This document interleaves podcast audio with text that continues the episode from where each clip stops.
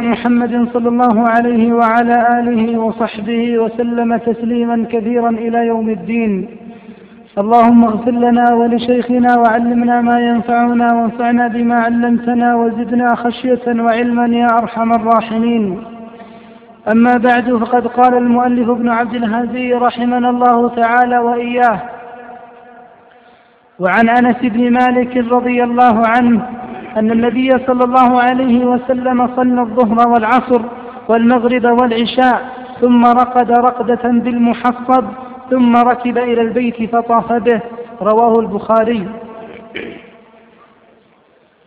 الحمد لله رب العالمين وصلى الله وسلم وبارك على نبينا محمد وعلى آله وأصحابه ومن تبعهم بإحسان إلى يوم الدين. نزول النبي عليه الصلاة والسلام بالمحصب والمحصب والأبطح والبطحاء وخيب بني كنانة كلها أسماء أسماء لموطن واحد. ونزل النبي عليه الصلاة والسلام وأبو بكر وعمر وعثمان وعلي وهو قول عبد الله بن عمر عليه الله تعالى النزول بالأبطح. وذهب بعض الصحابة عليهم رضوان الله تعالى إلى أن المحصب والأبطح ليس من المناسك. وقال عبد الله بن عباس عليه رضوان الله تعالى وعائشة.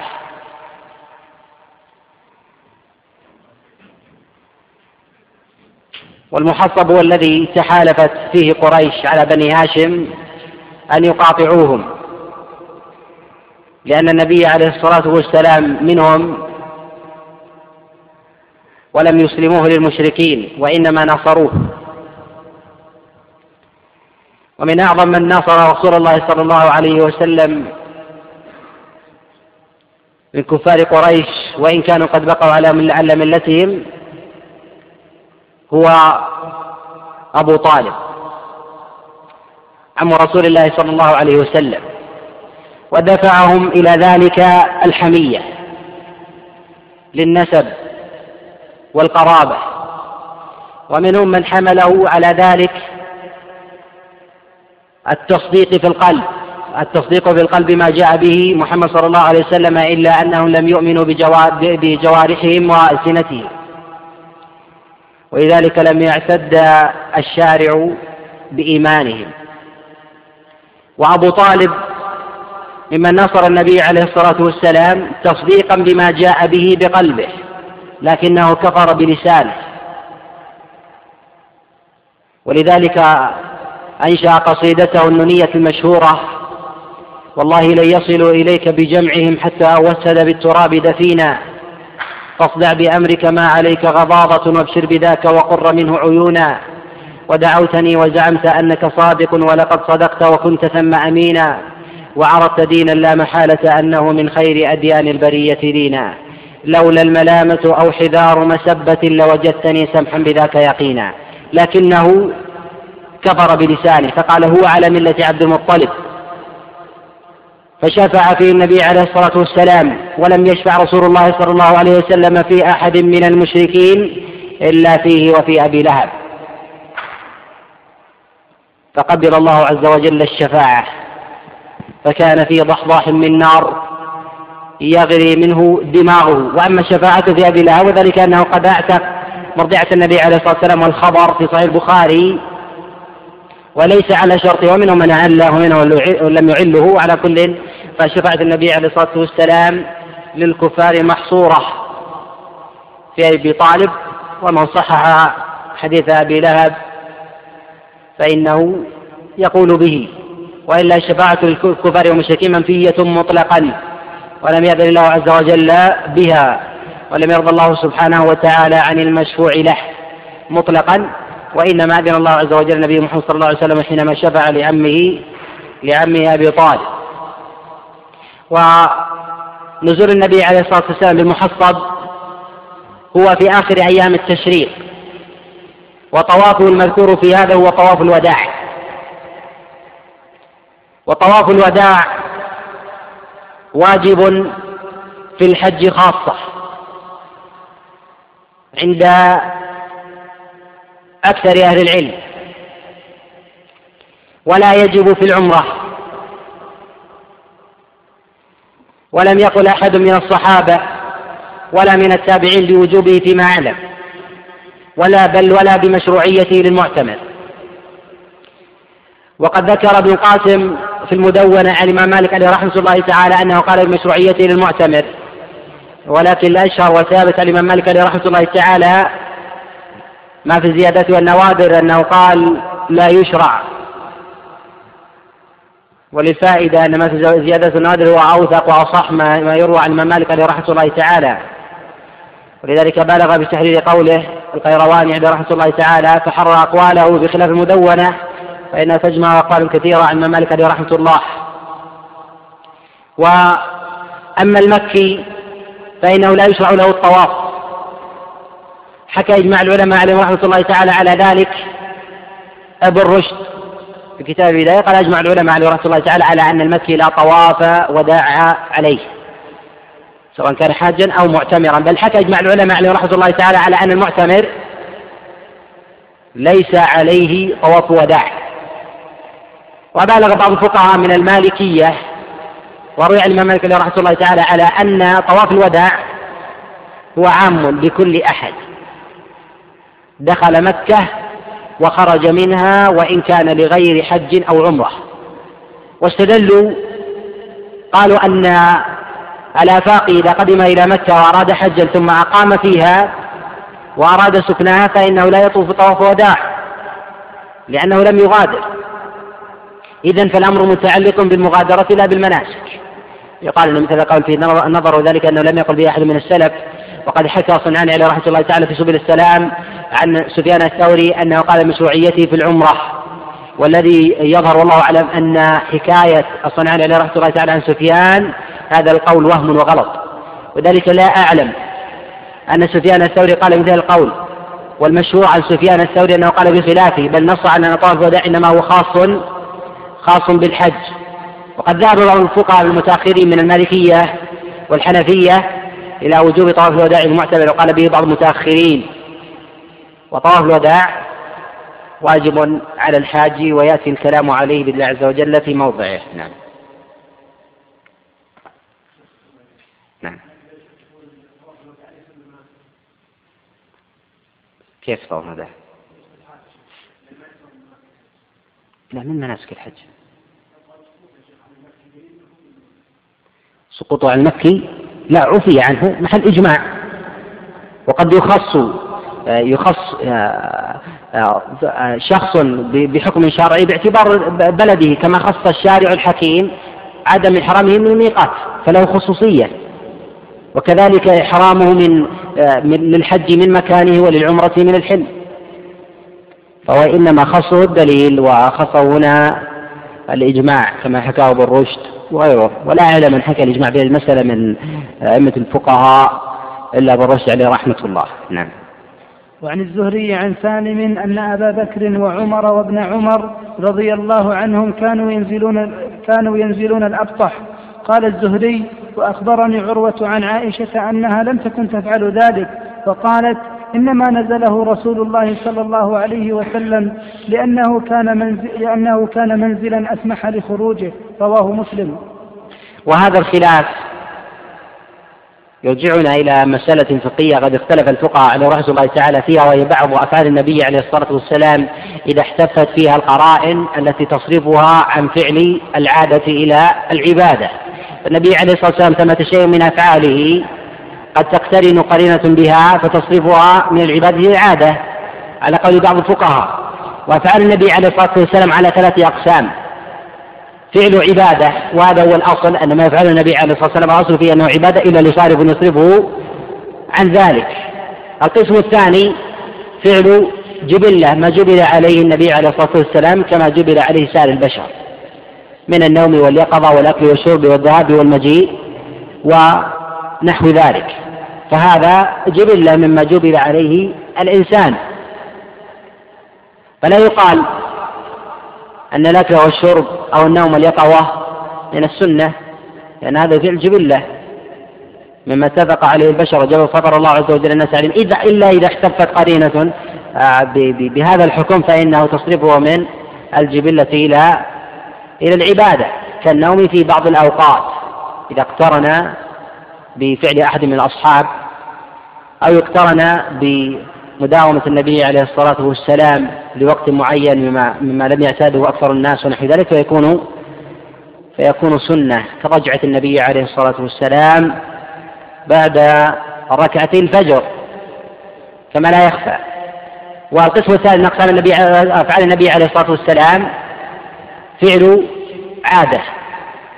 ما يفعله النبي عليه الصلاة والسلام عادة ولا يدخل باب العبادة وأمثلة هذا كثيرة جدا.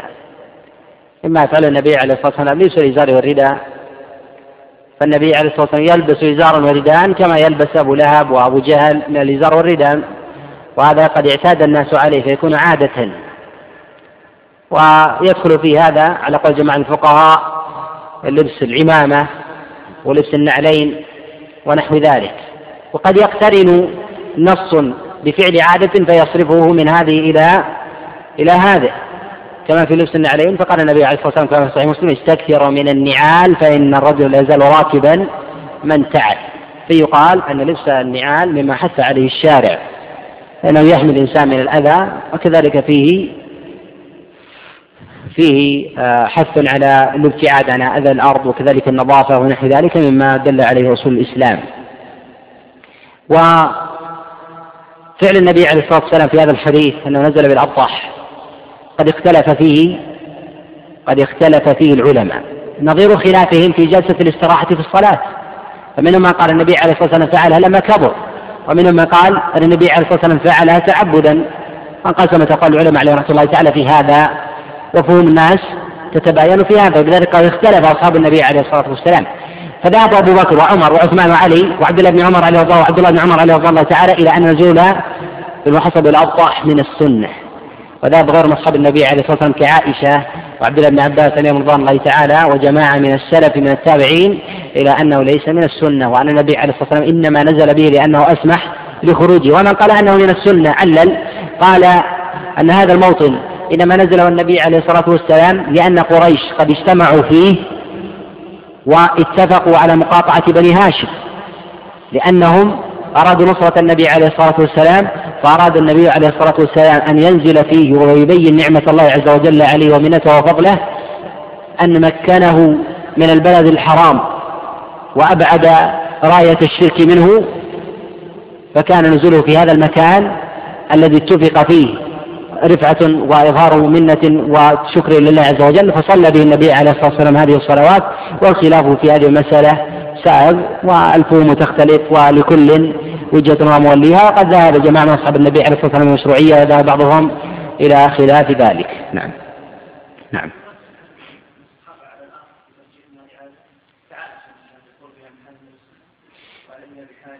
هو قد يقال هذا لكن من قال من إذا ما رجح قول عائشة قد يقابله قول الخلفاء الراشدين. ولذلك قال النبي عليه الصلاة والسلام عليكم سنه سنة الخلفاء الراشدين المهديين بعدي. فمن قال به قول فإن له قرينة أخرى في قول ضده. فلكل قول والأمر في مثل هذه المسألة واسع. نعم. وعن ابن عباس رضي الله عنهما قال أمر الناس أن يكون آخر عهدهم بالبيت إلا أنه خفف عن المرأة الحائض. متفق عليه.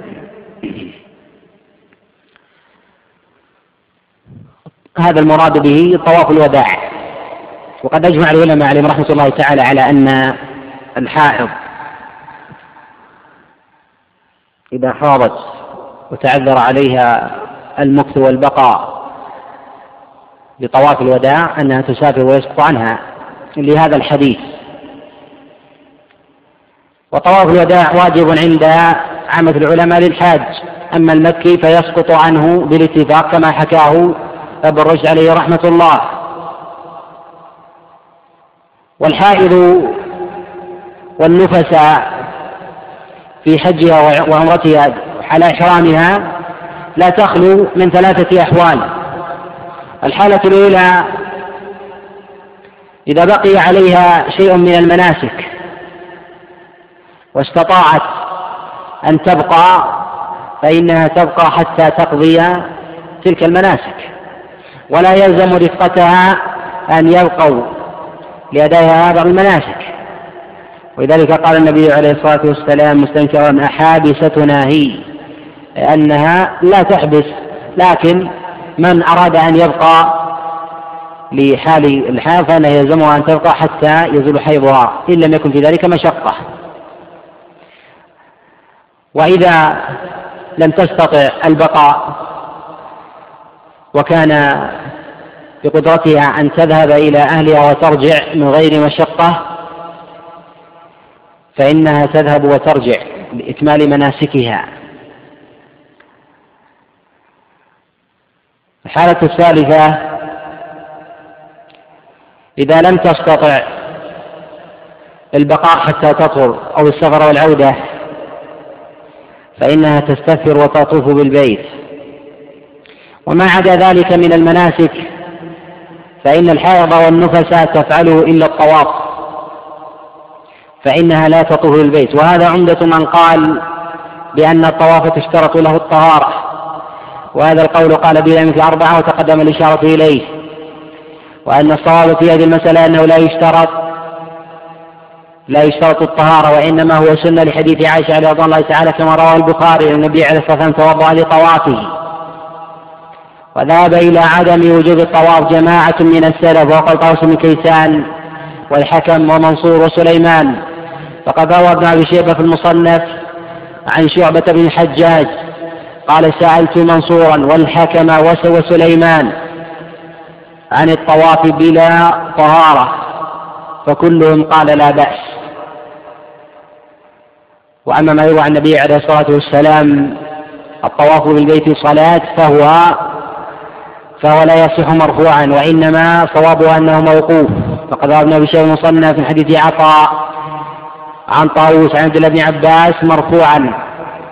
وخالف عطاء في رفعه عبد الله بن طاووس وإبراهيم ميسرة. فوقفوا على عبد الله بن عباس وهو الصواب. قال برجحان وقفه جماعة من الحفاظ كالإمام أحمد عليه رحمة الله تعالى والمنذر والطحاوي وغيرهم. ومال البعض إلى صحته والصواب أنه موقوف. نعم. وعن عبد الله بن الزبير رضي الله عنهما قال قال رسول الله صلى الله عليه وسلم صلاة في مسجدي هذا أفضل من ألف صلاة قد شدد بعض أصحاب النبي عليه الصلاة والسلام في طواف الوداع. ولذلك قد روى الإمام مالك عليه رحمة الله تعالى في الموطأ من حديث يحيى بن سعيد قال أرجع عمر بن الخطاب عليه رضي الله تعالى رجلا من مر الظهران لم يطف طواف الوداع أن يطوف طواف الذكر روى الإمام مالك عليه رحمة الله تعالى في موطأه. وروى الإمام مالك أيضا من حديث نافع عن عبد الله بن عمر أن عمر بن الخطاب عليه رضي الله تعالى قال لا ينفرن أحد من البيت إلا أن يكون آخر عهده بالبيت الطواف. قد رواه البخاري ومسلم من حديث طاووس عن عبد الله بن عباس رضي الله تعالى عن النبي عليه الصلاة والسلام. قال لا ينفر أحد من البيت إلا وآخر عهده بالبيت الطواف. قال فدل هذا على وجوبه وهو وهو ظاهر وعليه عامة العلماء عليهم رحمة الله تعالى إلا المعتمر فليس من السنة أن يطوف طواف الوداع. خلاف لما ذهب إليه بعض الفقهاء من الحنفية والمالكية وأروي عن الإمام مالك عليه رحمة الله تعالى أنه قال مشروعيته كما حكى ابن القاسم في المدونة والصواب عن الإمام مالك عليه رحمة الله تعالى أنه لا يرى مشروعيته. وأما ما حكى الصنعاني كما تقدم عن سفيان فيظهر أنه وهم وغلط. نعم. وعن عبد الله بن الزبير رضي الله عنهما قال قال رسول الله صلى الله عليه وسلم صلاة في مسجدي هذا أفضل من ألف صلاة فيما سواه إلا المسجد الحرام. وصلاة في المسجد الحرام أفضل من صلاة في مسجدي هذا بمئة صلاة. رواه الإمام أحمد وهذا لفظه وابن حبان وإسناده على شرط الصحيحين. هذا الحديث صحيح والمراد أن الصلاة في المسجد الحرام أفضل من الصلاة فيما عداه بمئة ألف صلاة إلا مسجد النبي عليه الصلاة والسلام فإنه أفضل منه بمئة صلاة. وجاء عند من ماجه أنه أفضل بخمسين بخمسين صلاة وهو غير محفوظ. المحفوظ أنه أفضل من صلاة مسجد النبي عليه الصلاة والسلام بمئة صلاة أي مما في غيره بمئة ألف صلاة. وقوله هنا بمسجد هذا قوله هذا لا معنى له إلا أن المراد أن مسجد النبي عليه الصلاة والسلام وإن زاد عما هو عليه فإنه يتعبد به فإن زيادة تبع للأصل. وذهب بعض الفقهاء وأخذ بظاهر النص لمراد هذا الموطن الذي يتعبد فيه في عصر النبي عليه الصلاة والسلام. وما زيد عليه فإنه لا يقال بالأفضلية. وذهب إلى هذا بعض الفقهاء من الأئمة. وذهب إلى هذا من الشافعية النووي عليه رحمة الله تعالى كما في المجموع. وذهب إليه ابن عقل الحنبلي. عليه رحمة الله تعالى على أن المراد الصلاة مسجد النبي عليه الصلاة والسلام في هذا الموطن خاصة وما زاد فليس في حكمه. لكن قد روى ابن أبي شيبة في المصنف أن النبي عليه الصلاة والسلام قال لو زيد في مسجدي إلى صنعاء لكان مسجدي. لكن هذا الحديث موضوع ولا يثبت عن رسول الله صلى الله عليه وسلم في هذا في هذا شيء. والصواب في هذا وظاهر النص ما عليه عمل الصحابة رضي الله تعالى وكذلك التابعين أن التعبد عام ولذلك قد زاد في مسجد النبي عليه الصلاة والسلام الخلفاء الراشدون أبو بكر وعمر وعثمان وعلي ولا زالوا يصلون في نواحيه كلها. ولا ولا فضيلة لموطن دون آخر. وأما ما جاء النبي عليه الصلاة والسلام أن ما بين بيته ومنبره روضة من رياض الجنة فقد اختلف العلماء عليهم رحمة الله تعالى في هذا على قولين. فذهب جمهورهم أن المراد بالأفضلية هنا أفضلية التعبد وأنها روضة من رياض الجنة أي تنقل إلى الجنة فالتعبد فيها أفضل. قالوا ولم يكن للتعبد فيها أفضلية فلا معنى لإراد النبي عليه الصلاة والسلام ذلك وأنها روضة من رياض الجنة. وذهب جماعة من العلماء وهو الذي ذهب إليه ابن عبد البر عليه رحمة الله تعالى كما في كتاب الاستذكار ورجح ابن القيم عليه رحمة الله تعالى كما في الجواب الكافي. على أن المراد أن هذا الموطن موطن لتعليم النبي عليه الصلاة والسلام وأصحابه. فقوله روضة من رياض الجنة أي موطن للذكر وتعليم الناس كما جاء في سنة الترمذي ومسند الإمام أحمد إذا مرت برياض الجنة فارتعوا قال وما رياض الجنة؟ قال حلق الذكر. وهذا القول هو الصواب وأنه لا أفضلية للروضة. ولم يثبت عن النبي عليه الصلاة والسلام نص صريح في أفضلية موطن من المواطن المسجد عن غيره. إلا في حال صلاة الجماعة. فقد ثبت عن رسول الله صلى الله عليه وسلم كما في صحيح الإمام مسلم في قوله ليليني منكم أولو الأحلام والنهى. وفي صلاة الجماعة صلاة صلاة في الصف الأول أفضل من صلاة في الصف الذي يليه عند جماهير أهل العلم. خلافا لما ذهب إليه بعض الفقهاء من الشافعية وغيرهم الذين قالوا أن الأفضلية مرتبطة لمن دخل لمن دخل المسجد فمن دخل ابتداء المسجد فإن أفضل مما جاء بعده حتى وإن كان المبتدئ بالدخول يأتي ويصلي في الصف الثاني أو الثالث وإن سبقه من جاء بعده. وذهب إلى هذا القول جماعة من الأئمة وقال السيوطي عليه رحمة الله تعالى فله رسالة في هذا سماها بسط الكف. وذكر قول العلماء عليه رحمة الله تعالى في أفضلية أفضلية الصفوف وذكر اثني عشر قولا ورجح ما مال إليه والذي يظهر من النصوص النبي عليه الصلاة والسلام الأفضلية للصف للصف الأول. ذلك يقول النبي عليه الصلاة والسلام خير صفوف الرجال أولها وشرها آخرها. ولو يعلم الناس ما في الصف الأول لا ما فيهم لا أجل واستهموا عليه. والحديث هذا كثيرا قد ذكر العلماء عليه رحمة الله بل زعم بعضهم أنها وصلت إلى حد التواتر. الزعم هذا فيه نظر ولأنها صحيح ثابتة عن النبي عليه الصلاة والسلام. ومن قال بغير القول فله وجهه فمن احتج من العلماء عليه رحمة الله تعالى عن الافضليه لمن دخل ابتداء فلهم أدلة قوية في هذا الباب. استدلوا بحديث من بكر وابتكر ومن جاء في الساعة الأولى فكأنما قرب بدنا ومن جاء في الساعة الثانية فكأنما قرب بقره وهذه الأدلة لها وجه. وذلك النبي عليه الصلاة والسلام اعتبر التقدم بالوقت ولم يعتبر عليه الصلاة والسلام اعتبارا بالمكان. لكن يقال أن القرب من النبي عليه الصلاة والسلام في وقته كان له أفضلية وذلك أنه أنه يفتح عليه. وكذلك الإمام قال عليه الصلاة والسلام ليالي منكم وللأحلام والنهى. وهذا عام والنبي عليه الصلاة والسلام مشرع يقال أن الحكم باقي إلى إلى قيام الساعة. وهنا مسألة وهي الأفضلية في الحرم. هل هي عامة للحرم كله أم هي للمسجد خاصة؟ يقال إذا أطلق المسجد الحرام فإنه يشمل الحرم بعامة. ولذلك منع الله عز وجل من دخول الكفار والمشركين لحرم الله. لذلك أذن أبو بكر وأبو هريرة رضي الله تعالى وعلي بن أبي طالب رضي الله تعالى في الناس ألا يطوف بالبيت عريان وأن لا يحج بعد هذا العام مشرك. وإذا أطلق المسجد الحرام فإنه يشمل الحرم كله. والأفضلية تعم للمساكن لمن حول داخل المسجد الحرام والمسجد والدليل على هذا أن النبي عليه الصلاة والسلام قال وهو في المدينة صلاة العبد في بيته أفضل من صلاته صلاة صلاة العبد آه، في بيته أفضل من صلاته في مسجده إلا المكتوبة. وهذا قد رواه البخاري ومسلم. فعلى هذا يقال لما كانت الصلاة في المسجد الحرام أفضل من غيرها بألف صلاة. وهذا الأصل فيه أنه عام للفرائض والنوافل.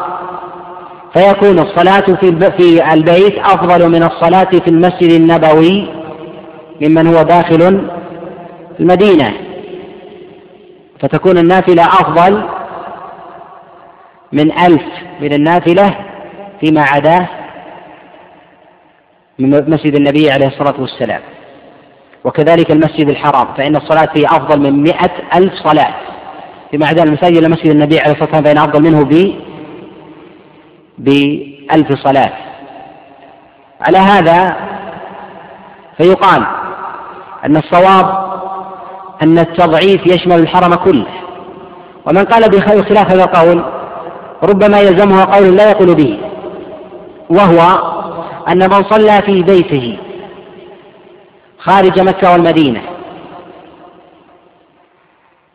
في النافلة فهي أفضل من صلاته في مسجده.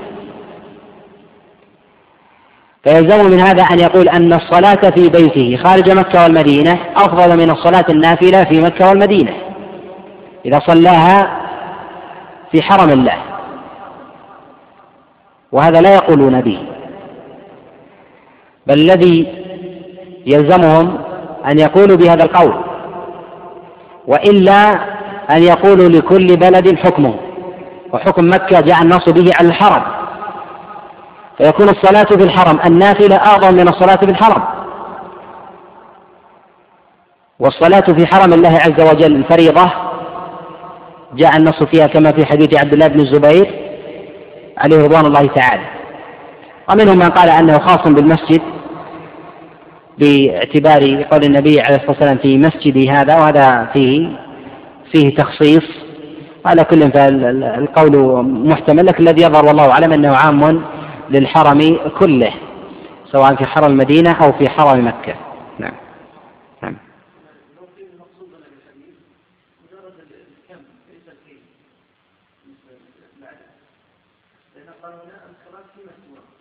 عدد الصلاة في المدينة. المدينة سواء المدن الأخرى. وعليه يكون صلاة الرجل في بيته في المدينة. كيف أعظم من عليها لكن من الأجر والثواب. هو مسألة الأجر التقدير في الصلاة غير غير معلوم. لا في الحرم ولا في غيره. واضح؟ يعني من قال أن من صلى الصلاة في حرم الله عز وجل ما هو أجره؟ لا يعلم. يقال ما يعلم هو أنه أفضل من الصلاة في غيره من مئة ألف صلاة. إذا الصلاة في غيره ما هو الأجر المترتب عليها؟ لا يعلم. الوارد في الشرع هو أن صلاة الجماعة تفضل صلاة الفذ بسبع وعشرين وفي رواية في الصحيح بخمس وعشرين درجة. لكن الصلاة ذاتها ما هو المقدر؟ إذا نرجع إلى ذات إلى ذات النص الذي جاء النبي عليه الصلاة والسلام بالتضعيف. لكن من قال بأن لا تشمل لا تشمل الحرم فعلى هذا يقول أنه من صلى مثلا في نجد. أن صلاته في بيته في نجد أفضل من صلاته في المسجد الحرام. لابد أن يلزمه بعموم النص لأن النبي عليه الصلاة والسلام يقول أفضل صلاة الرجل في بيته إلا المكتوبة. فهو قد صلى في بيته لم يصلي في المسجد. فيلزمه أن يقول أنها أفضل من مئة ألف صلاة. وعلى هذا بقوله يلزمه أن يقول أن الصلاة في مسجده النافلة أو الفريضة أنها تضاعف. ولا تضاعف. فيقال أن لكل بلد حكمه وأن الصلاة في الحرم آه، مضاعفة في الحرم عامة سواء حرم المدينة أو حرم مكة. هذا الذي آه، دل عليه النظر ولكن لا يعلم نصا صريحا في هذا وإنما هي كلها أدلة ظنية. نعم. في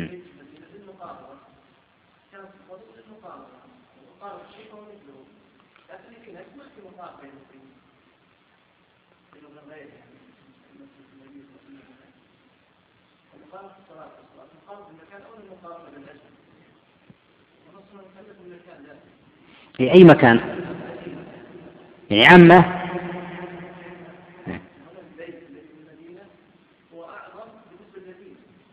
إيه هو هذا هذا الكلام الصواب. إيه هذا الكلام الصواب. المراد كيف؟ نعم. لا هو المراد بهذا هو إلزام من قال لأن العبادة النبي عليه الصلاة والسلام مشرع فيشرع لأهل نجد كما يشرع لأهل الحجاز المشرع واحد والثواب واحد والصلاة أجرها واحدة إلا ما دل الدليل على على غيره. فمن صلى ركعتين في أقصى الدنيا خاشعا متخشعا بقلب حاضر لله عز وجل وصلى آخر في أي بلد آخر خاشعا لله عز وجل بقدر الخشوع الأول سواه في الأجر. لا فضل إلا فيما دل الشارع عليه لذلك الأصل العموم إلا ما دل الدليل عليه. ولذلك يقال أن النبي عليه الصلاة والسلام لما قال أن صلاة الفريضة أو صلاة النافلة أفضل من في في بيت في بيت المرأة أفضل من صلاته في المسجد لأنها تزداد على التضعيف إذا في البلد عمل البلد. فمن صلى في بيته بجوار الحرم نافلة من الرواتب وغيرها أفضل من صلاته في الحرم بمئة ألف صلاة. لكن هل يقال أن من صلى في داره مثلا في نجد أنه أفضل من صلاة مثلا هل يقارن بمسجده أو بمسجد الحرام؟ يقارن بمسجده هو. لما لأن النص إنما جاء في مكة. إذا فيلزم من هذا أن يقال أن النص عام للحرم كله. وإذا لم يقل بالعموم فيلزمه أن يقول أن الصلاة متساوية. في نجد أو في غيرها والأصل أن النبي عليه الصلاة والسلام يخاطب الناس كافة في كل البلدان. نعم. كيف؟ جاء اللفظ لكن خرج حديث واحد عن النبي عليه الصلاة والسلام وروي بالمعنى. باب الفوات والإحصار عن سالم قال المراد بالفوات هو من أحرم بالحج وطلع الفجر من يوم النحر ولم يتوكل ولا يتمكن من الوقوف بعرفة. أي فاته الحج قطعا بالاتفاق لأن الحج عرفة. وما عدا ذلك من المناسك فيمكنه أن يتداركه. كالطواف رمي الجمار وغيره. فماذا يصنع؟ هذا ما يسميه العلماء عليه رحمة الله تعالى الفوات أي فاته الحج. والإحصار هو ما يمنع الإنسان من أداء مناسكه من مرض أو عدو أو حبسه حابس وغير ذلك هذا إحصار وذاك فوات نعم. عن سالم قال كان ابن عمر رضي الله عنهما يقول أليس حسبكم سنة رسول الله صلى الله عليه وسلم؟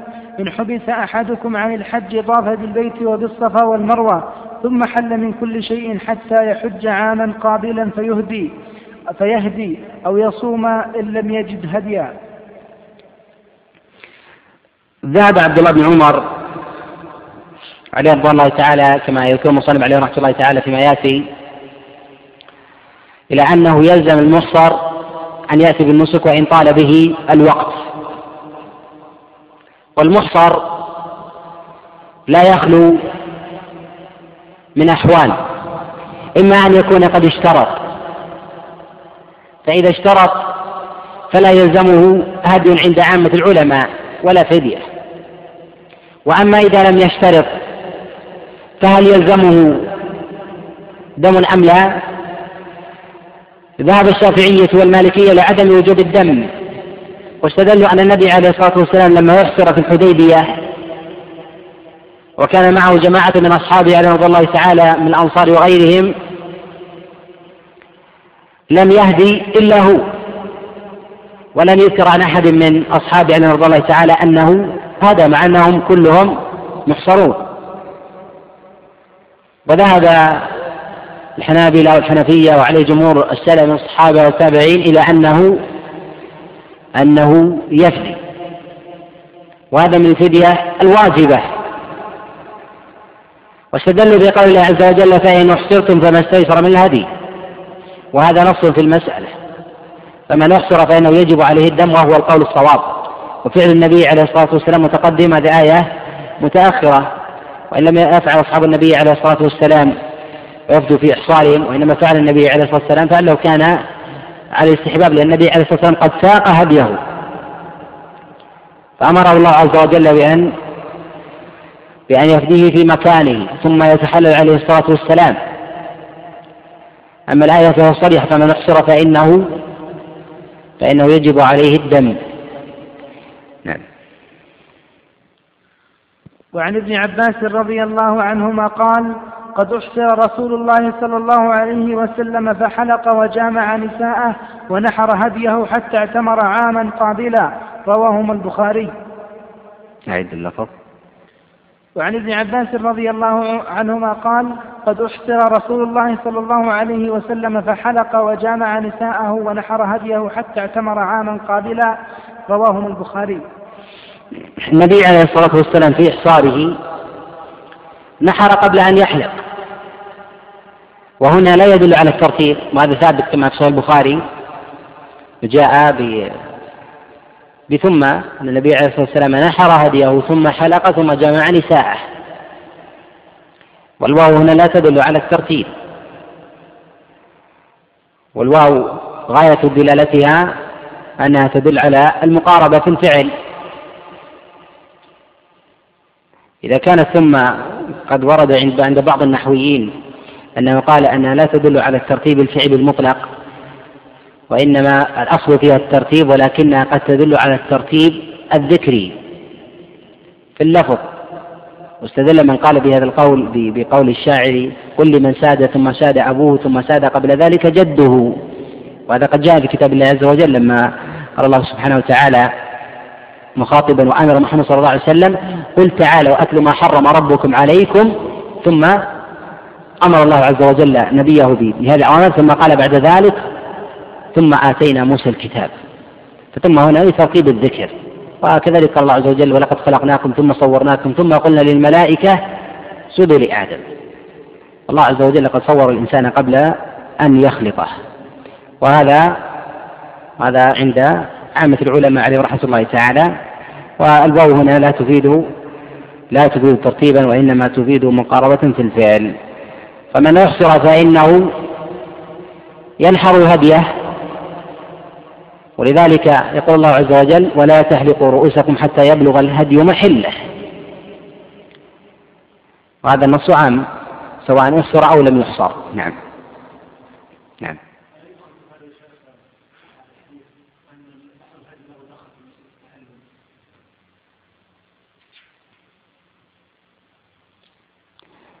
وقد يفهم منه دلالة ظنية لكنها هنا خاصة بالإحصار. وعن عائشة رضي الله عنها قالت دخل النبي صلى الله عليه وسلم على ضباعة بنت الزبير بن عبد المطلب رضي الله عنها فقالت يا رسول الله إني أريد الحج وأنا شاكية. فقال النبي صلى الله عليه وسلم حجي واشترطي أن محل أن محلي حيث حبستني. وفي رواية وكانت تحت المقداد. متفق عليه واللفظ لمسلم. حديث رواه الشيخان حديث هشام عروة عن أبي عن عائشة رضي الله تعالى. وفيه دلالة على مشروعية الاشتراط وقد ذهب إليه الإمام أحمد عليه رحمة الله تعالى بل أوجبه بعض الأئمة وقول ابن حزم الأندلسي.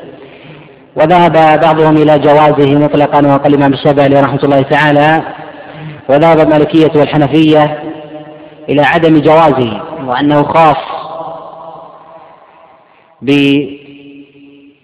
بهذه الحادثة. ولذلك قالوا لم يشترط أحد من أصحاب النبي عليه الصلاة والسلام في هذا النظر قد اشترط بعض أصحاب النبي عليه الصلاة والسلام وجماعة من السلف فالاشتراط ماض.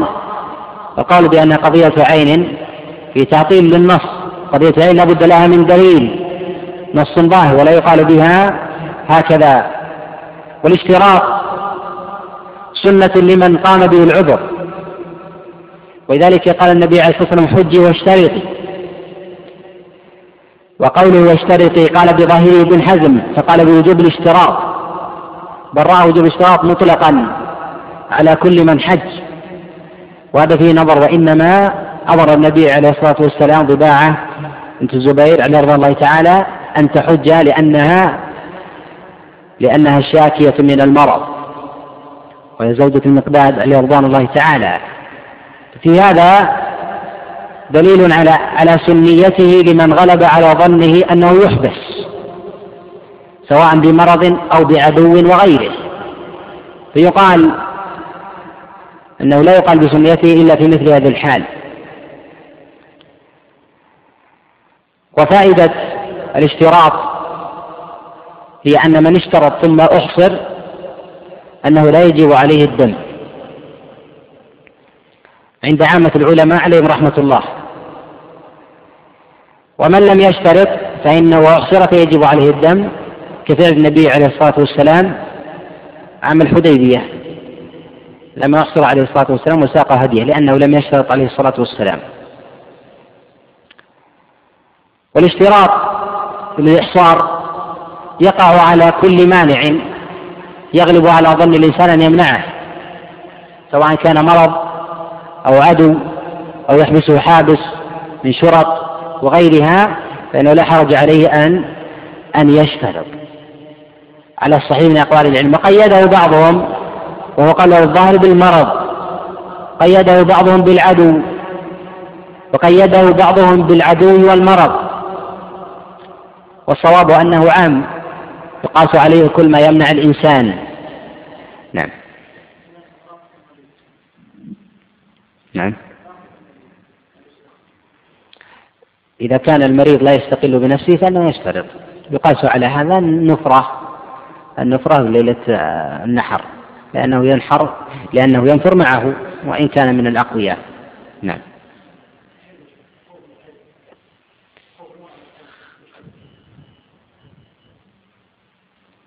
لا. لا تشترط. خوف الحيض ليس ب ليس بعبرة. ما من امرأة إلا وتحيض بذلك لم يذكر.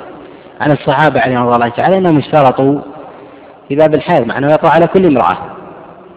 الاشتراط فيه من ليس مشروع ليس بمشروع. نعم. وعن سالم عن نعم. أبيه.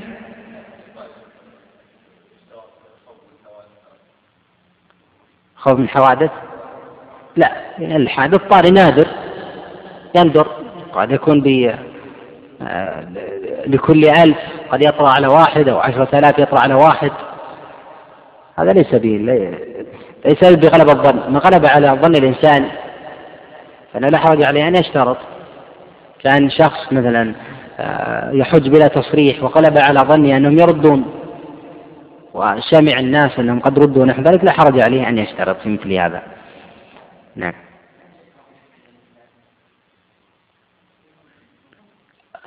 لا حرج. النبي عليه الصلاة والسلام قال وقولي.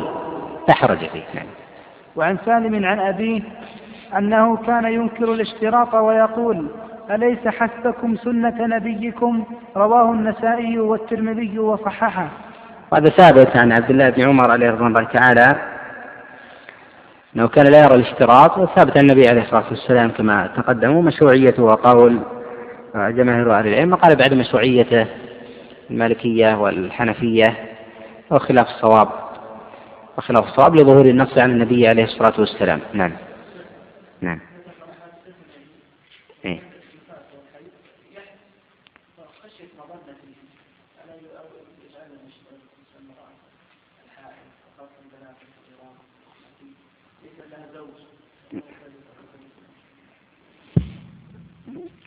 لكن لما لم يكن يفعله أحد من أزواج النبي عليه الصلاة والسلام ولا من الصحابة آه، دل على أنه من آه، من الفضول أن يشترط الإنسان في مثل هذا لأنه ما من امرأة إلا وتحيض وكم تحيض أيام معدودة ويزول, ويزول عذرها. لكن أن يقال بأن تشترط على هذا يقال أن تشترط كل امرأة ولم يكن عن الصحابة لولا أن يكون إنسان يتبع في هذا ولا يأتي بشيء آه، قد كانت علته قائمة ولم يعمل به أحد. نعم. نعم.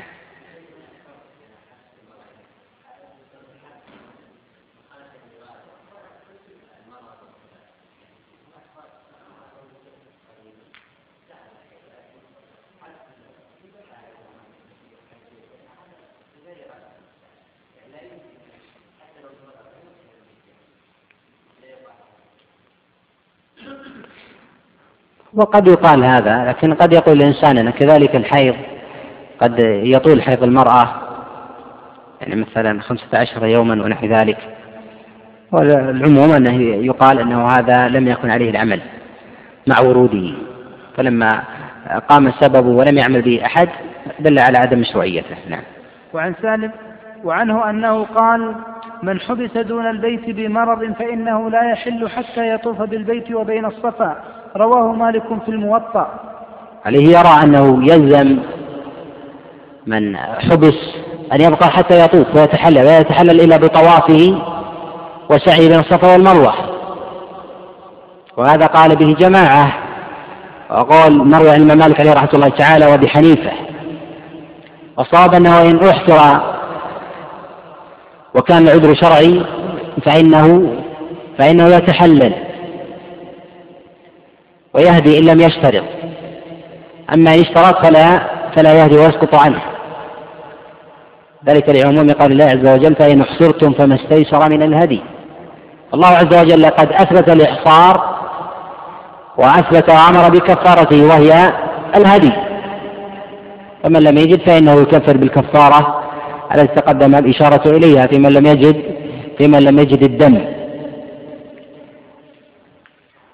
نعم. وعن عكرمة عن الحجاج بن عمرو الأنصاري قال قال رسول الله صلى الله عليه وسلم من كسر أو عرج فقد حل وعليه الحج من قابل.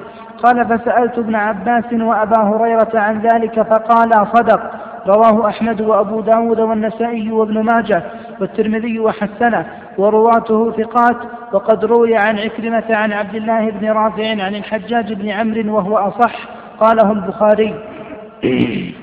هذا الحديث لا بأس بإسناده وإسناده جيد وفيه دليل على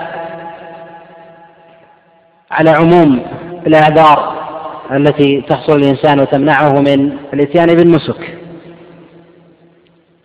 ويظهر من صنيع المصنف عليه رحمة الله تعالى أنه أدخل حكم الفوات في حكم الإحصار. ولذلك لم يرد له في الباب في الباب شيء في المرفوع عن النبي عليه الصلاة والسلام. فمن فاته الوقوف بعرفة إما أن إما أن يكون قد نسي التاريخ وظن أن عرفة غدا فكانت اليوم وطلع الفجر عليه أو تخلف أو أضاع الطريق أو حبسه حابس. وطلع الفجر من يوم النحر وهو محرم بعمرة. فقد روى ابن أبي شيبة في المصنف عن الأسود قال سألت عمر بن الخطاب عليه رضوان الله تعالى عن رجل أهل بالحج ففاته الوقوف بعرفة قال يهل بعمرة وعليه دم وعليه الحج من قابل. قال فسألت زيد بن ثابت عليه رضوان الله تعالى فقال مثل ذلك.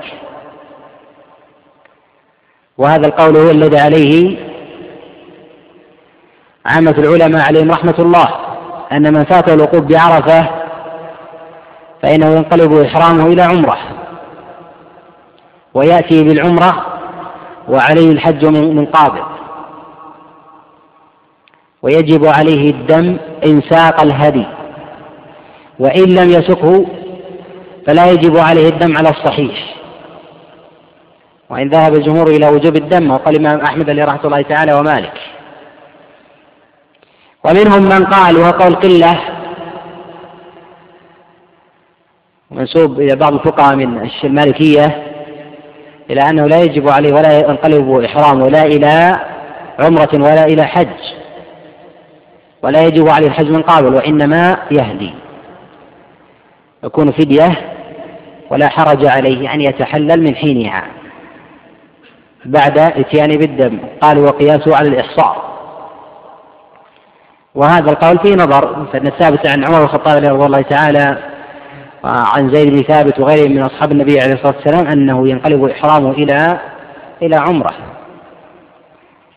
ويجب عليه أن يحج من قابل وخاصة إن لم يكن قد حج حجة الإسلام. نعم. باب الهدي والأضاحي.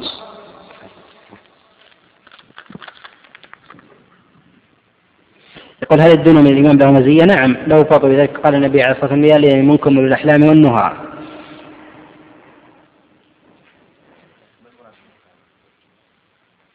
الأحلام البالغين.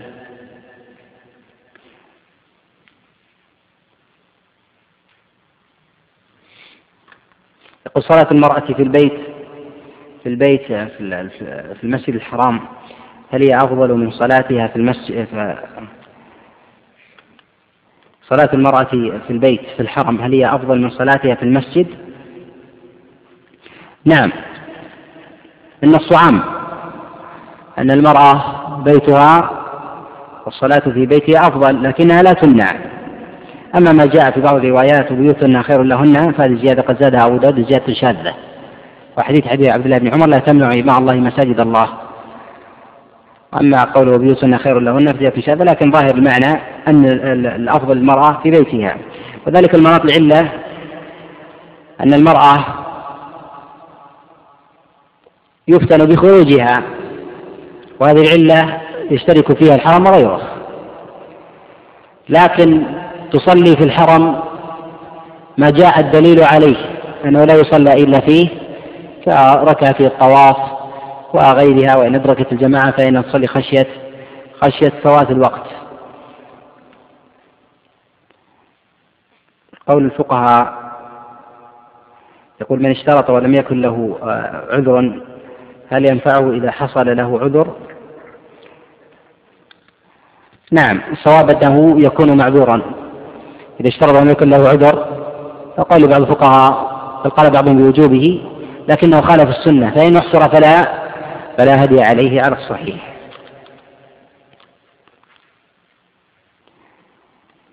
يقول هل قال النبي عليه الصلاة والسلام عليهن الجهاد لا قتال فيه؟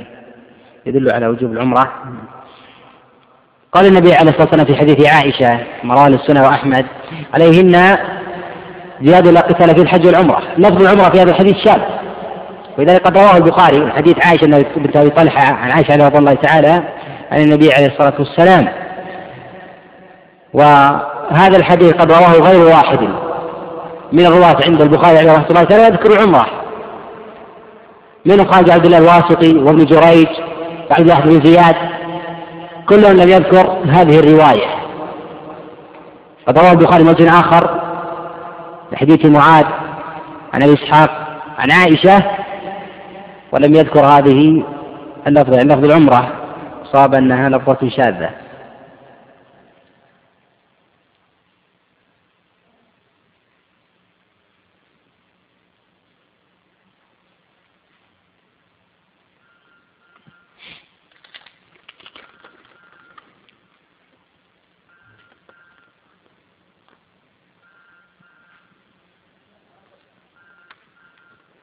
يقول أشكل على بعض الإخوة مسألة دعاء الميت فقالوا أنكم تقولون بتوجيه بتوجيهه فما الفرق بين دعاء الميت والدعاء عند قبر الميت والطلب من الميت أن يدعو له؟ المسألة هذه بحاجة إلى توضيح ولا علاقة لها في في بابنا لكن لعل أشكل البعض ولأهميتها هو أن طلب الميت فطلب الميت أن يدعو للإنسان. هذا ليس من الشرك وإنما من البدع. وأما دعاء الميت فهو من الشرك. الفرق بين هذا وهذا أن الدعاء الطلب من الشخص أن يدعو لك حال حياته جائز شرعا. ولذلك روي عن النبي عليه الصلاة والسلام في هذا الحديث لكنه لا يسع في إسناد عاصم عبيد الله يقول لا تنسى اخر من دعائك. لكن جاء فيه أمثل منه ما جاء في مسلم حديث ويس القراني لما أمر النبي عليه الصلاة والسلام الخطاب بأن يسأل ويس أن يستغفر له. فيقال أن الأصل الجواز أن تطلب من الحي. قالوا لما دل الدليل وقال به جماعة من السلف على أن الميت في قبره يسمع من يأتيه. قالوا فلا يكون من الشرك أن يقول الإنسان له يا فلان ادع لي. وإنما قيل بالبدعية لأن الصحابة عليهم رضوان الله تعالى لما توفي النبي عليه الصلاة والسلام وكانوا أقرب الناس إليه قد عاينوه وانقطع عنه فمشد الناس حسرة بفراق بفراقه وتألما بانقطاع عنهم عليه الصلاة والسلام. وقد وقعت الفتنة ولم يأتي أحد إلى قبر النبي عليه الصلاة والسلام ويقول يا رسول الله ادعو لي. فدل على الإحداث والبدعة. وإنما قيل البدعية لأنه لم يثبت عن الصحابة ولم يقل بالشرك لأن الميت يسمع على قول جماعة. وأما المسألة الأخرى هو أن يطلب من الميت دعاء. أن يقال يا فلان اغفر لي أو افعل لي كذا ونحو ذلك فهذا من الشرك. ففرق بين دعاء الميت وبين الطلب من أن يدعو الميت للحي. فذاك بدعة وذاك شرك. هل اتضح اتضحت المسألة؟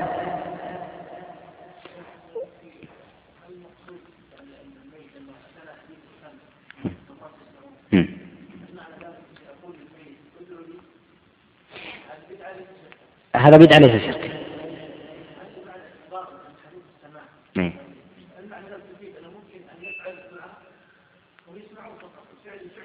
هو لا يلزم من هذا أنه يتكلم فإذا سمع عقل.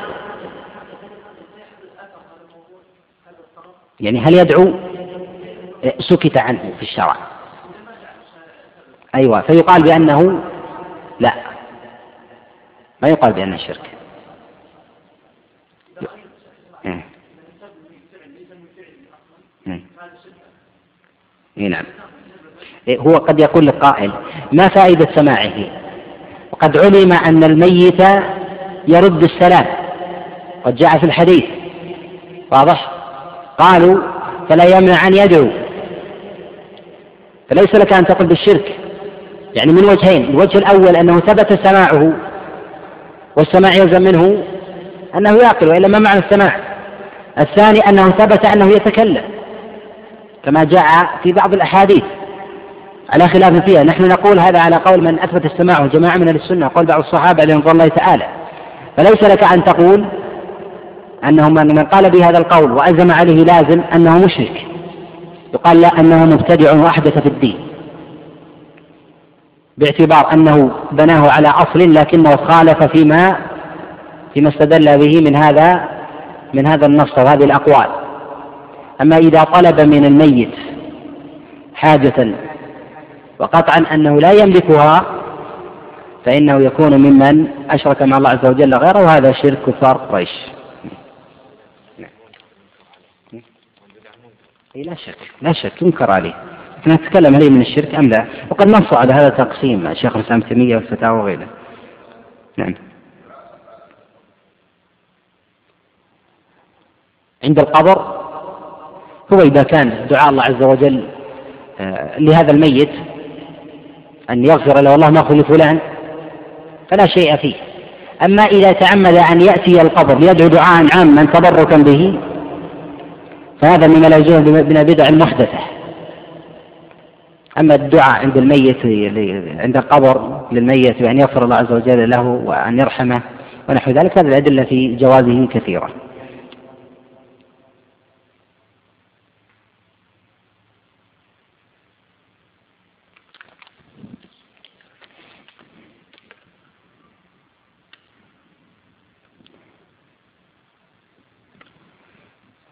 نعم.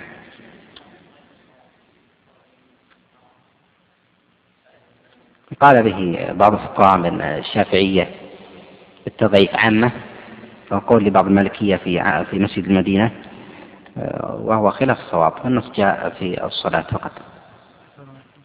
نعم التضعيف في بيت المقدس الذي ورد ما ما لا يصح. لا يصح. نعم.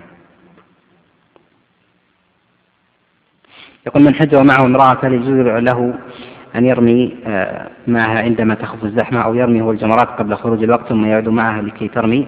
هي في وقت التخفيف. لا حرج في هذا وهذا. ولا إلى المرأة أن ترمي عن نفسها إلا إذا كانت فيها مشقة وأن تزاحم الرجال وربما أذوها فإنه فإنه يتوكل عنها ولا حرج.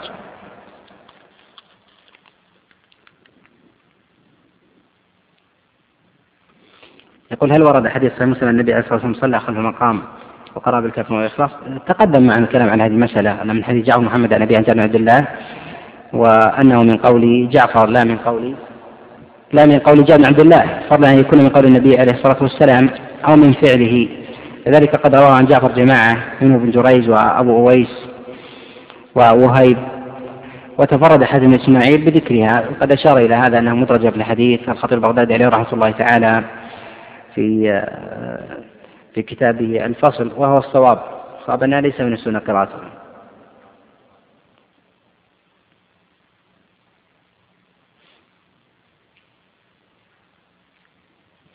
يقول هل حديث يلي منكم والإحلام والنهى المقصود به بعد الصغار من خلف الإمام؟ نعم هذا هو الظاهر. أنه يبعد من خلف الإمام ولكن لا يبعد بالجملة من الصف الأول كما يفعله بعض الناس وإنما من خلف الإمام.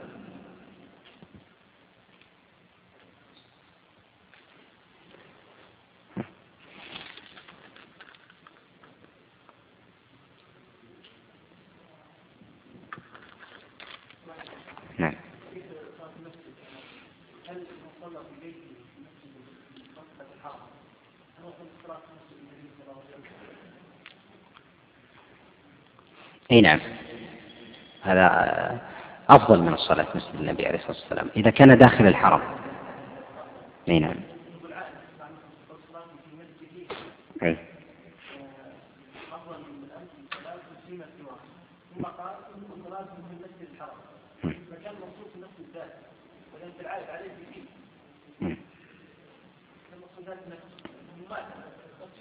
لا هو النبي عليه الصلاة والسلام يريد أن يبين خصوصية أجل فقال في مسجدي هذا.